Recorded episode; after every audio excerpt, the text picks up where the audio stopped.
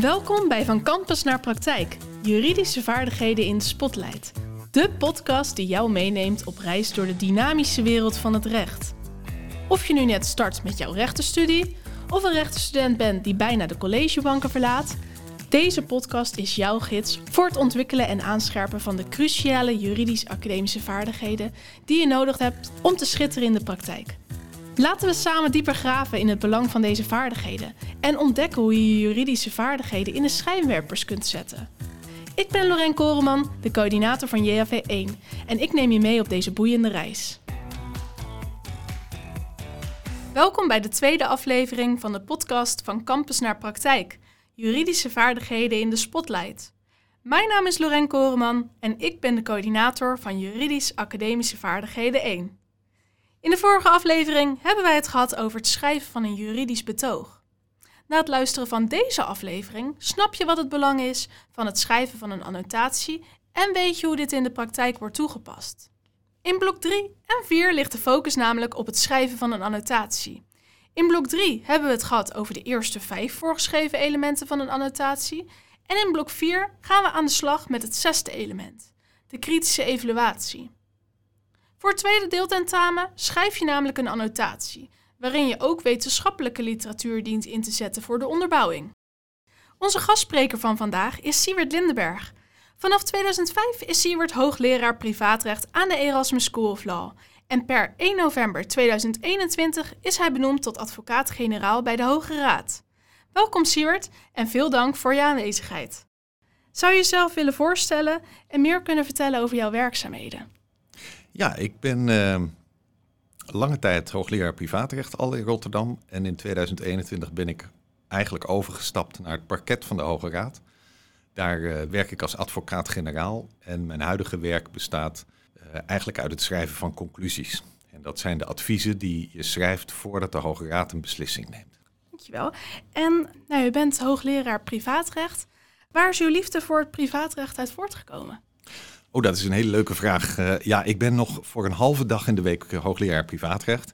Ik ben het heel lang fulltime geweest. En eigenlijk is privaatrecht het enige vak waar ik ooit voor gezakt ben. Okay. En kennelijk uh, heeft dat toen iets in mij wakker gemaakt dat ik dacht, ja, maar dit moet ik toch echt wel eens beter gaan bestuderen. En toen ik er echt in dook, toen begon ik het leuk te vinden. En het leuke van privaatrecht is eigenlijk dat het een open systeem is.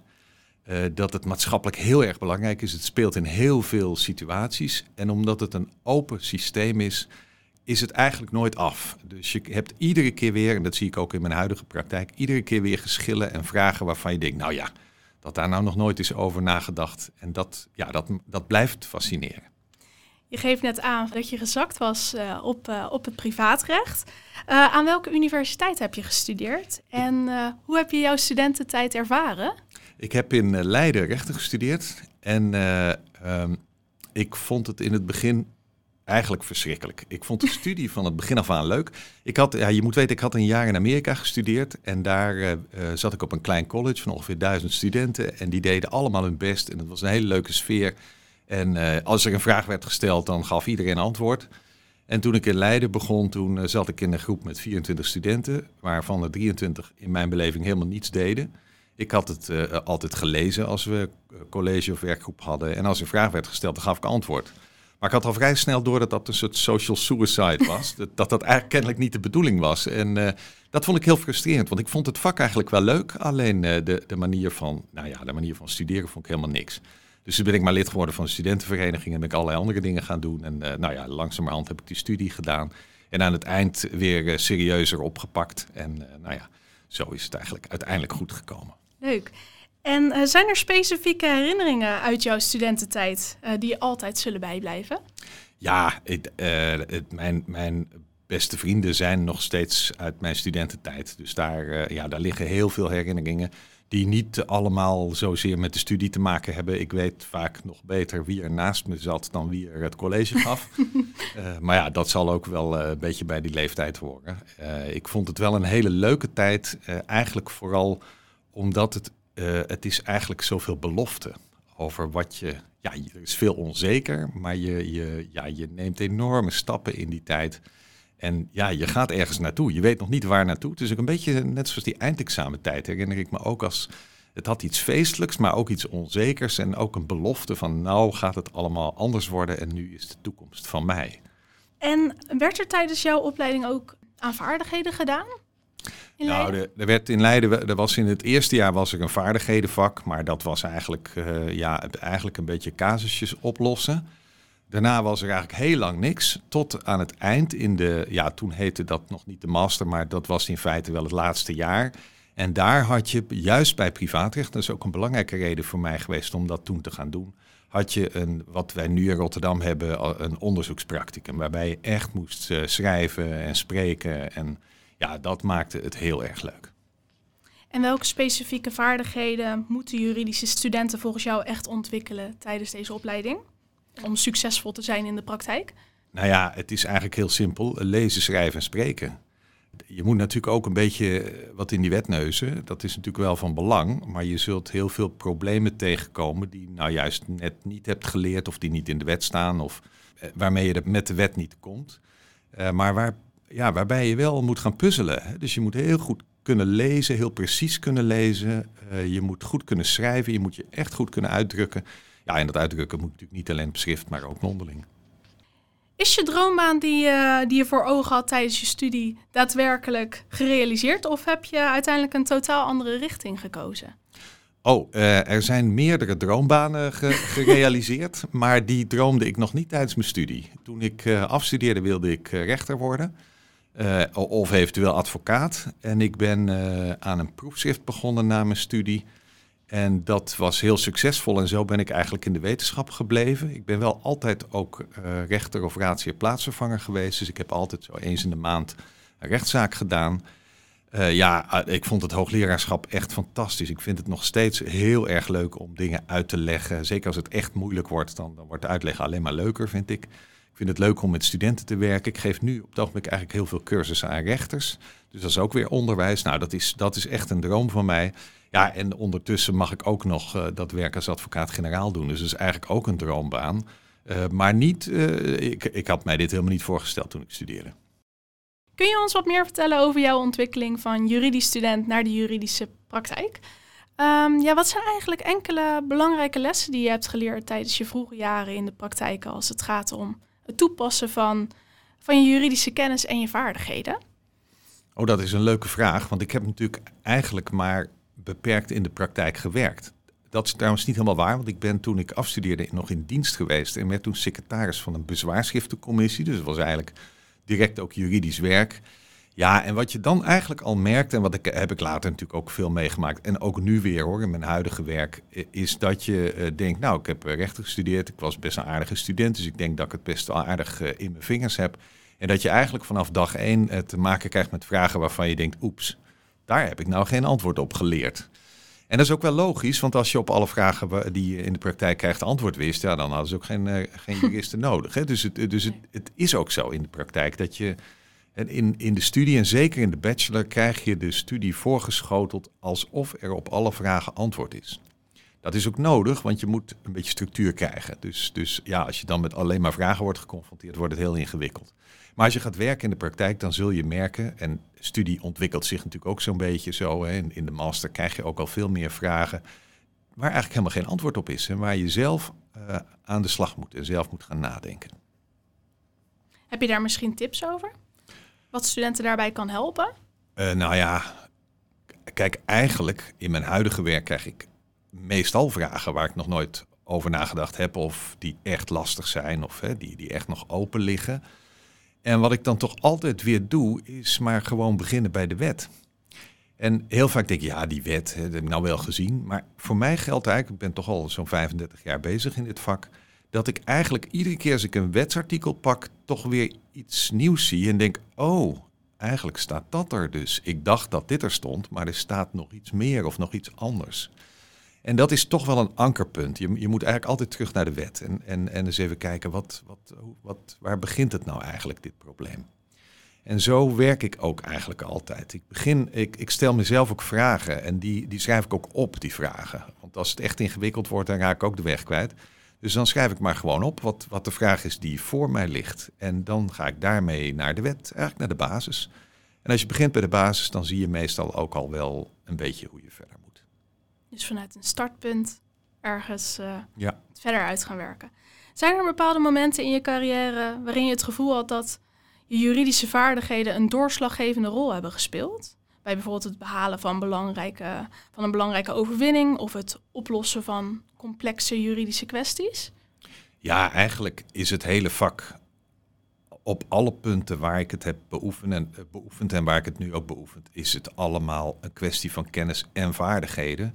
En eigenlijk van kennis steeds minder, hè, want die kun je wel vinden, die kun je wel opzoeken als je weet wat je nodig hebt. Maar vaardigheden moet je in de vingers hebben. En ik, ik denk, ik hoop ook dat het zo werkt, dat ik steeds minder uh, onthoud, maar meer kan. Dat ik eigenlijk, ja, dat mijn vaardigheden eigenlijk worden, zijn aangescherpt in de loop van de tijd en ik steeds meer heb opgedaan. En je moet natuurlijk ergens beginnen. En hoe hoe eerder je ermee begint, hoe beter. Dus inderdaad wat we studenten ook proberen mee te geven. Je moet er vooral mee aan de slag gaan, mee oefenen om je vaardigheden ja. te verbeteren. En daarvoor geldt, uh, ik zeg altijd, studeren is een werkwoord. Uh, en je haalt eruit wat je erin steekt. Dus hoe meer je werkt, en je zult merken, zeker bij vaardigheden, je moet het doen. Je moet er niet naar kijken. Het is net als fietsen, je moet het doen. Je kan wel kijken hoe iemand fietst, maar je moet om het te kunnen, moet je het echt doen. Je moet het veel doen, je moet er hard op werken. Ik weet nog dat het eerste stukje wat ik schreef, daar ben ik er ook twee weken mee bezig geweest. En het waren twee kolombetjes in Ars Equi. Het is gewoon heel hard werken in het begin. Ja. Heb je misschien nog specifieke adviezen voor, uh, voor onze studenten die zich voorbereiden op hun eigen overgang naar de praktijk en het ontwikkelen van die juridische vaardigheden? Net zijn er al een paar tips gegeven. Ja, weet je, ik denk dat je ook vooral van die studietijd moet genieten. Uh, er, er, komt zoveel voorbij. Kijk naar alles wat je leuk vindt en, en je ziet wel wat je ermee kunt laten. Ik zou het graag willen hebben over de vaardigheden, dus het schrijven van een annotatie en dan de koppeling te maken met de praktijk. Want ja, studenten schrijven voor deeltentamen 2 een annotatie waarin verschillende vaardigheden naar voren komen. En wij beoordelen die annotaties op vijf verschillende onderdelen. Dus inhoud, structuur, taal, schrijfstijl en brongebruik. En er zijn best wel veel vragen ingestuurd ten aanzien van de verschillende onderdelen. En ik zou graag een selectie daarvan aan je willen voorleggen. De eerste vraag is: wanneer maak je in de praktijk gebruik van annotaties? Wat is nou het belang van een goede annotatie? Nou, dat is een leuke vraag. Uh, eigenlijk uh, is een annotatie is al relevant omdat hij er is. Want er is natuurlijk heel veel rechtspraak. Maar uh, het is eigenlijk zo dat alleen de opvallende uitspraken worden geannoteerd. Dus als, een, als je een uitspraak ziet met een annotatie, dan weet je eigenlijk al, oh, daar valt wat over te zeggen. En dus dat is het eerste. Het heeft een signalerende functie en dat is voor de praktijk enorm belangrijk. Het tweede is natuurlijk de duidende functie. Hè. Daar gaat eigenlijk de annotatie over. Waarom is deze uitspraak relevant? En dat is natuurlijk precies wat je in de praktijk wil weten. Want je kan natuurlijk zelf allemaal die uitspraken wel gaan lezen, maar dan moet je vaak een enorme hoeveelheid lezen. Terwijl als je ziet welke uitspraken er zijn geannoteerd, dan kan je in die annotatie eigenlijk heel snel zien: oké, dit is de reden waarom deze uitspraak relevant is. Welke uitspraak van de Hoge Raad is volgens jou het meest maatschappelijk ingrijpend geweest en waarom? Oh, dat is een moeilijke vraag, want dat is, dat, wow, daar moet ik even over nadenken. Kijk, in, in mijn, uh, op mijn terrein is natuurlijk de Urgenda-zaak heel belangrijk geweest. Uh, omdat die politiek spannend was. Maar je zou ook kunnen zeggen, nou ja, het kelderluikarrest, daar wordt al, al, al weet ik hoe lang, uh, wordt daar, in, wordt daar in, in alle concrete zaken over onrechtmatige daad mee gewerkt. Dus dat is, ja, kan je zeggen, ja, dat is een maatschappelijk niet zo heel bijzondere zaak. Want er ging over iemand die in een café in een kelderluik viel. Dat is op zichzelf maatschappelijk niet zo'n bijzondere gebeurtenis. Maar de uitspraak is richtinggevend geweest. En is eigenlijk met het Haveltex-arrest zijn. Dat, is de hoek, dat zijn de twee hoekstenen van het verbindenisrecht. Dus in die zin zijn die maatschappelijk minstens zo belangrijk als de Urgenda-zaak. Wanneer schrijf je in de praktijk een annotatie? Ja, annotaties zijn eigenlijk uh, stukjes wetenschap. Dus je zou kunnen zeggen, uh, in de praktijk worden ze niet geschreven, maar in de wetenschap wel. Uh, en ja, wanneer kies je nou om een, een uitspraak te annoteren? Wanneer, wanneer is het nuttig om een uitspraak te annoteren? Als je die uitspraak wil duiden. En dat is natuurlijk wat er gebeurt. Hè. Het, het tijdschrift voor rechtspraak van de Hoge Raad in Nederland is de Nederlandse jurisprudentie. En daar wordt al, van, al vanaf een eeuw geleden worden daar uh, annotaties in gepubliceerd. En die leren je vooral, ja, wat, waarom is dit relevant? Wat, wat, hoe moet ik dit duiden? Annotaties worden dus geschreven door wetenschappers, maar uh, ja, het is natuurlijk niet iets om alleen als wetenschapper te doen. Want de kunst van het schrijven van een annotatie is dat je een uitspraak begrijpt, doorgrond en duidt. En dat is natuurlijk een activiteit die iedereen in de praktijk doet. Advocaten moeten de hele tijd uitspraken lezen, kijken wat staat er nou in, hoe verhoudt dit zich tot andere rechtspraak, uh, wat vind ik daar eigenlijk van. En dat, dat doet iedereen in het recht. Hè. Je moet eigenlijk een uitspraak altijd duiden. En het mooie van een annotatie is dat het je eigenlijk ja, het is eigenlijk een vorm om, om daar uh, uiting aan te geven. Om te kijken, wat lees ik nou precies? Wat, wat staat er nou eigenlijk? Hoe moet ik dat duiden? Wat vind ik daarvan? Dus je zou kunnen zeggen, ja, annotaties worden geschreven door wetenschappers. Maar eigenlijk is iedereen die een uitspraak leest uh, een annotator. Want ieder voor zich gaat er, gaat er iets mee doen, moet het duiden. Dit sluit eigenlijk mooi aan uh, op, de, op de volgende vraag. Want um, ja, bevat een annotatie echt een eigen mening? Want ja, je je kunt het baseren op, eh, op juridische bronnen en dus ook op uh, bepaalde feiten. Hoe ver kun en mag je daarin gaan? Het leuke van een annotatie is natuurlijk dat je vrij bent. Maar wat je in een annotatie in ieder geval wil lezen is in de eerste plaats waarom is deze uitspraak van belang? Uh, de tweede, wat, wat staat er nou eigenlijk precies? Wat is de kern ervan? Ten derde, wil je weten hoe dit zich verhoudt tot andere rechtspraak en tot wat er in de literatuur van wordt gevonden? Ja, en dan kom je natuurlijk bij de vraag, uh, uh, vind ik er ook nog iets van? Nou, ik denk dat je er bijna altijd iets van vindt. Eh, en daarbij kan je natuurlijk zeggen, nou ja, ik ga van dik hout. Ik zeg, ik vind het allemaal onzin. Maar zo ligt het meestal niet. Hè. Rechters verkopen meestal geen onzin. Dus veel, vaak ligt het veel genuanceerder. Dus je mening uh, hoeft niet uh, heel rigoureus te zijn van het type dit is niks of dit is geweldig. Maar kan ook op een detailbetrekking hebben. En bijvoorbeeld uh, ook een vraag oproepen. En daarvoor zijn annotaties vaak ook heel erg belangrijk. Hè, dat, je, dat je de annotator een vraag ziet opwerpen die je vervolgens in de rechtspraak in volgende uitspraken weer terug ziet komen. Ja, wij raden studenten altijd aan om voorafgaand aan het schrijven een tekstplan te maken. Want het is namelijk al van belang om voor het schrijven al voor ogen te hebben wat de structuur van de tekst is. Nou, in dit geval een annotatie. Hiervoor, uh, nou ja, we hadden het net al over de wetenschappelijke bronnen. Nou ja, studenten moeten daarvoor wetenschappelijke bronnen bestuderen, zodat ze meer diepgang kunnen aanbrengen. Maar studenten vinden het lastig om de betrouwbaarheid van, uh, van bronnen te toetsen en de literatuur vervolgens ook te gebruiken ter onderbouwing van, van hun eigen argumenten. Heb je hier misschien bepaalde tips voor? Ja, eh, in mijn tijd toen ik studeerde was er nog maar een fractie van de informatie die er nu is. En de enige bronnen die er waren, waren eigenlijk de klassieke rechtsbronnen. Dus de wet, de Nederlandse jurisprudentie, de Asser-serie, de echte handboeken. Dat was het zo'n beetje. Er waren nog wel wat tijdschriften, maar specialistische tijdschriften, maar niet een fractie van wat er nu is. Ja, en nu uh, ja, kun je zeggen, iedereen pleurt maar alles op internet. Hè. Dus daar ga je dan ook zoeken als student. En dan zie je allerlei dingen waarvan je denkt, oh, dat is geschreven door een advocaat, zal wel belangrijk zijn. En nou, betrouwbaar. Meestal geldt dat als het is geschreven door een advocaat, het één positie vertegenwoordigt. Hè. Dat is meestal wat je dan ziet. En dat is natuurlijk lastig, hè, want dat, dat betekent dat eigenlijk alles wat je leest, moet je met een zeker wantrouwen uh, tegemoet treden. Ja, wat moet je doen? Ik zou zeggen, begin bij de klassieke rechtsbronnen. De wet, tekst en commentaar bijvoorbeeld, de Asser-serie. Dat zijn echt de, de klassieke uh, handboeken in Nederland. Om de, de, de groene serie, dat zijn echt de basisbronnen waarin je, uh, die zijn betrouwbaar, die zijn door goede wetenschappers of praktijkmensen geschreven. Daar zit een redactie op, dus dat, dat deugt allemaal wel. Uh, maar soms wil je natuurlijk ook andere informatie gebruiken en dan weet je ook niet altijd of die betrouwbaar is. En dan geldt denk ik toch ook vooral gezond verstand. Uiteindelijk uh, kunnen in alle bronnen waardevolle dingen staan, maar moet je wel heel goed kijken waar komt dit vandaan en wat vind ik er eigenlijk van.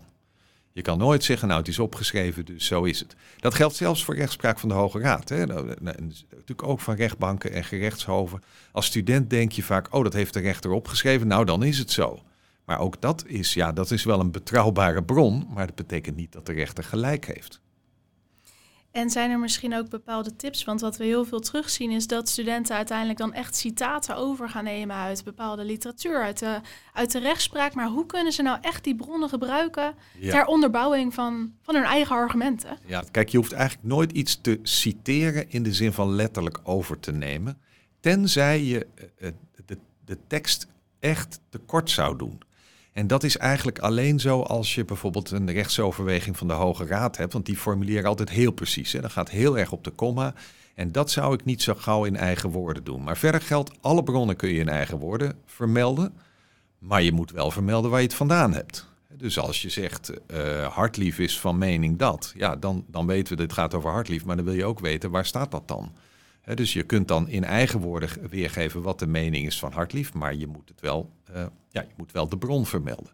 En je moet je natuurlijk ook een beetje leren verhouden tot, tot zo'n bron. Ik, heb, ik heb wel eens gelezen dat de student opschreef, uh, ik ben van mening en Hartlief met mij. Ja, dan, dan voel je al wel aan, ja, Het, het, is goed bedoeld, maar het is het net niet helemaal. En dat moet je ook leren. Je moet, je moet, dat is best wel zoeken hoe je jezelf verhoudt tot schrijvers. Want dan, ja, dan heb je al die bronnen en dan denk je, nou ja, maar als zij dat allemaal hebben opgeschreven, wat zal ik er dan nog van vinden? En dan zou ik zeggen, ja, maar dat zijn eigenlijk ook telkens meningen, dus daar kun je ook wel weer iets van vinden. Dus je moet je ook leren verhouden tot die bronnen. Het sluit mooi aan op de volgende vraag, want een student heeft eh, de vraag ingestuurd van hoe kies je wat interessant is voor de kritische evaluatie van de, van de annotatie. Zou je ons mee kunnen nemen in jouw gedachtegang bij het schrijven van een annotatie? Oh, dat is een leuke vraag zeg. Ehm, ja, weet je, een annotatie begint eigenlijk bij lezen. Eh, lezen, lezen, lezen van de uitspraak. En de eerste keer lees je hem één keer, denk je, nou ja, het gaat ongeveer daarover. En dan lees je hem nog een keer en nog een keer en nog een keer. En dan ga je het opschrijven. Dan ga je, ga je weergeven, wat is nou de kern eigenlijk? En dan blijkt toch die kern vaak nog wel ergens anders te liggen dan waar je dacht. En langzamerhand raak je, ik noem dat dat een beetje marineren. Hè? Je, moet, je moet in zo'n zaak een beetje marineren om, om er vat op te krijgen. En dat geldt ook voor het werk wat ik nu doe. Je moet uh, het keer op keer lezen. En als je het dan zelf gaat verwoorden, dan ga je vaak zien van... hé, hey, als ik dit opschrijf, is dat eigenlijk wel een beetje gek. Er zit eigenlijk iets geks in. En zo kom je vaak tot dat geldt tenminste voor mij, kom ik tot de punten waarvan ik denk, nou dat is eigenlijk waar het over gaat. En daar vind je dan eigenlijk ook altijd wel wat over. Of je gaat ontdekken, ja, dat staat hier nou wel. En ik dacht dat dat vroeger ook al zo was, maar als ik nou een eerdere uitspraak daarnaast leg, dan staat hier toch precies iets anders. En zo kom je eigenlijk op het spoor waar, uh, van het goud, hè, waar, waar, het, waar het blinkt, zeg maar, waar het echt interessant wordt. Ja, en dat, dat, dat, je, kan, ja, je kan ook wel zeggen, nou ik leg hem op mijn bureau en ik ga er een poosje naar kijken, maar daar komt het meestal niet vandaan. Je moet, je moet er echt in, je moet ermee aan de slag en dan zul je zelf ook wel zien van, hé, hey, dit, hier, hier, dit is waar het over gaat. Daar wil ik wat over zeggen. Zo werkt het eigenlijk. Ja, het is echt een bepaald schrijfproces. Ja studenten die vinden het soms heel lastig hè, dat ze uiteindelijk niks, nog niks op papier hebben, maar vooral dat voorwerk, echt je inlezen, het maken van een tekstplan, dat is gewoon heel erg belangrijk voordat je überhaupt iets op, uh, op papier krijgt. Ja, en dat, dat is natuurlijk zo. En uh, tegelijkertijd geldt voor mij, ik begin eigenlijk direct ook met schrijven. Ik, dat tekstplan maak ik altijd, dat pas ik ook altijd weer aan, maar ik heb altijd een plan. En wat ik eigenlijk mezelf heb aangeleerd is vragen te stellen. Wat staat er in deze uitspraak? Waarom is hij relevant? Wat wordt ervan gevonden? Wat vind ik er zelf van? En door die vragen op te schrijven en eigenlijk ze boven iedere alinea te schrijven die ik ga schrijven, weet ik, heb ik een soort controle bij mezelf. Oké, ik ben nu dit aan het opschrijven. Is het een antwoord op de vraag? Nou, dan is het goed. Is het geen antwoord op de vraag, dan kan dat betekenen dat of de vraag niet deugt, of dat wat ik opschrijf niet hoort op de plaats waar ik het schrijf. En zo heb ik eigenlijk een voortdurende controle. Ja. Dat is, ja, dat is dat is niet makkelijk. Uh, schrijven, is, schrijven is niet makkelijk. En ik had in Leiden, had, ja, de hoogleraar waar ik eigenlijk het recht van heb geleerd, professor Nieuwenhuis, die zei altijd, die kon echt prachtig schrijven. Je, ik denk een van de beste juristen, en ja, echt taalkundig heel vaardig. En die zei wel eens, your easy reading is my puntje, puntje hard writing. En dat is het. Hè? Als je denkt, nou, dat staat er leuk. Nou, dat, uh, ja, maar daar moet je voor werken. En dat is niet anders. Ik ken niemand die, die schrijft. Ik, kan zelf inmiddels best aardig schrijven, maar het is wel hard werken. En ik ken niemand voor wie het uh, uh, niks voorstelt. Als je goed wil schrijven, moet je hard werken. En dat moet je leren en doen. Dat is echt net als fietsen. Als je goed wil leren fietsen, moet je het veel doen. Precies. Dat is een mooie tip gelijk ook voor de studenten. Dat, dat tekstplan, dat is niet alleen voorafgaand aan het schrijven, maar die gebruik je inderdaad ook tijdens het schrijven, maar ook na afloop als checklist van heb ik nou uiteindelijk al die, uh, al die vragen beantwoord. Mooi. Um, ja, schrijfvaardigheden, we hebben het er net al heel de tijd eigenlijk over gehad. Die zijn uh, erg belangrijk voor een jurist. Los van de verschillende onderdelen als de structuur en de inhoud. Maar ook die schrijfstijl, die, uh, die is belangrijk. Hoe zorg je nou voor een passende schrijfstijl binnen een annotatie? Heb je daar misschien tips over? Oei, dat is ook een kwestie van veel doen. Hè? Want je moet, uh, ja, het moet natuurlijk taalkundig correct zijn. Dat is belangrijk. Je moet een beetje uh, voor ogen houden voor wie je schrijft. En ik denk dat dat doorgaans de geïnteresseerde jurist is. Hè? Dus het hoeft echt niet aapnootmies te zijn.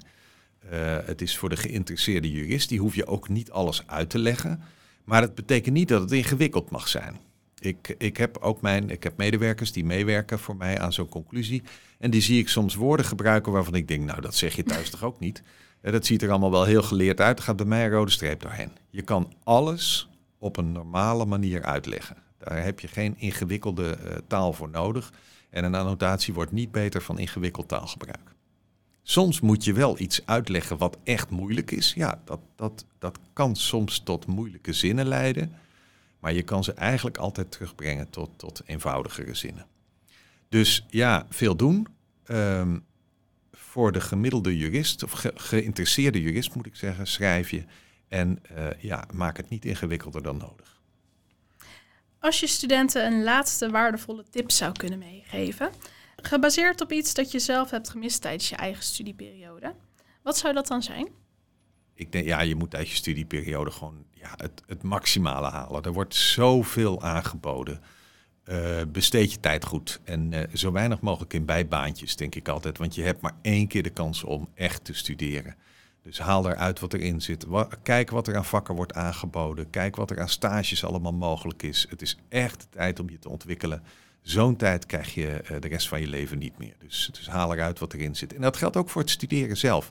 Je kan denken, nou ja, weet je, uh, ik heb niet zo zin vandaag en uh, laat ik het maar een beetje laten zitten. Nou, die dagen mag je best hebben, maar ik zei het al, studeren is een werkwoord. Je haalt er echt uit wat je erin steekt. Hoe harder je werkt, hoe meer je eruit haalt. Siewert, ik wil je hartelijk bedanken voor het boeiende gesprek. Interessant om meer te weten te komen over jouw werkzaamheden binnen de wetenschap en de juridische praktijk. En te horen wat, uh, ja, wat de toegevoegde waarde ook is van het uh, schrijven van een annotatie. Graag gedaan. In deze aflevering hebben we het gehad over het schrijven van een annotatie. Er zijn waardevolle tips gegeven die je meteen kunt proberen toe te passen bij het deeltentamen. De kunst van het schrijven van een annotatie is dat je een uitspraak begrijpt, doorgrondt en het echt gaat duiden. Schrijven is niet makkelijk.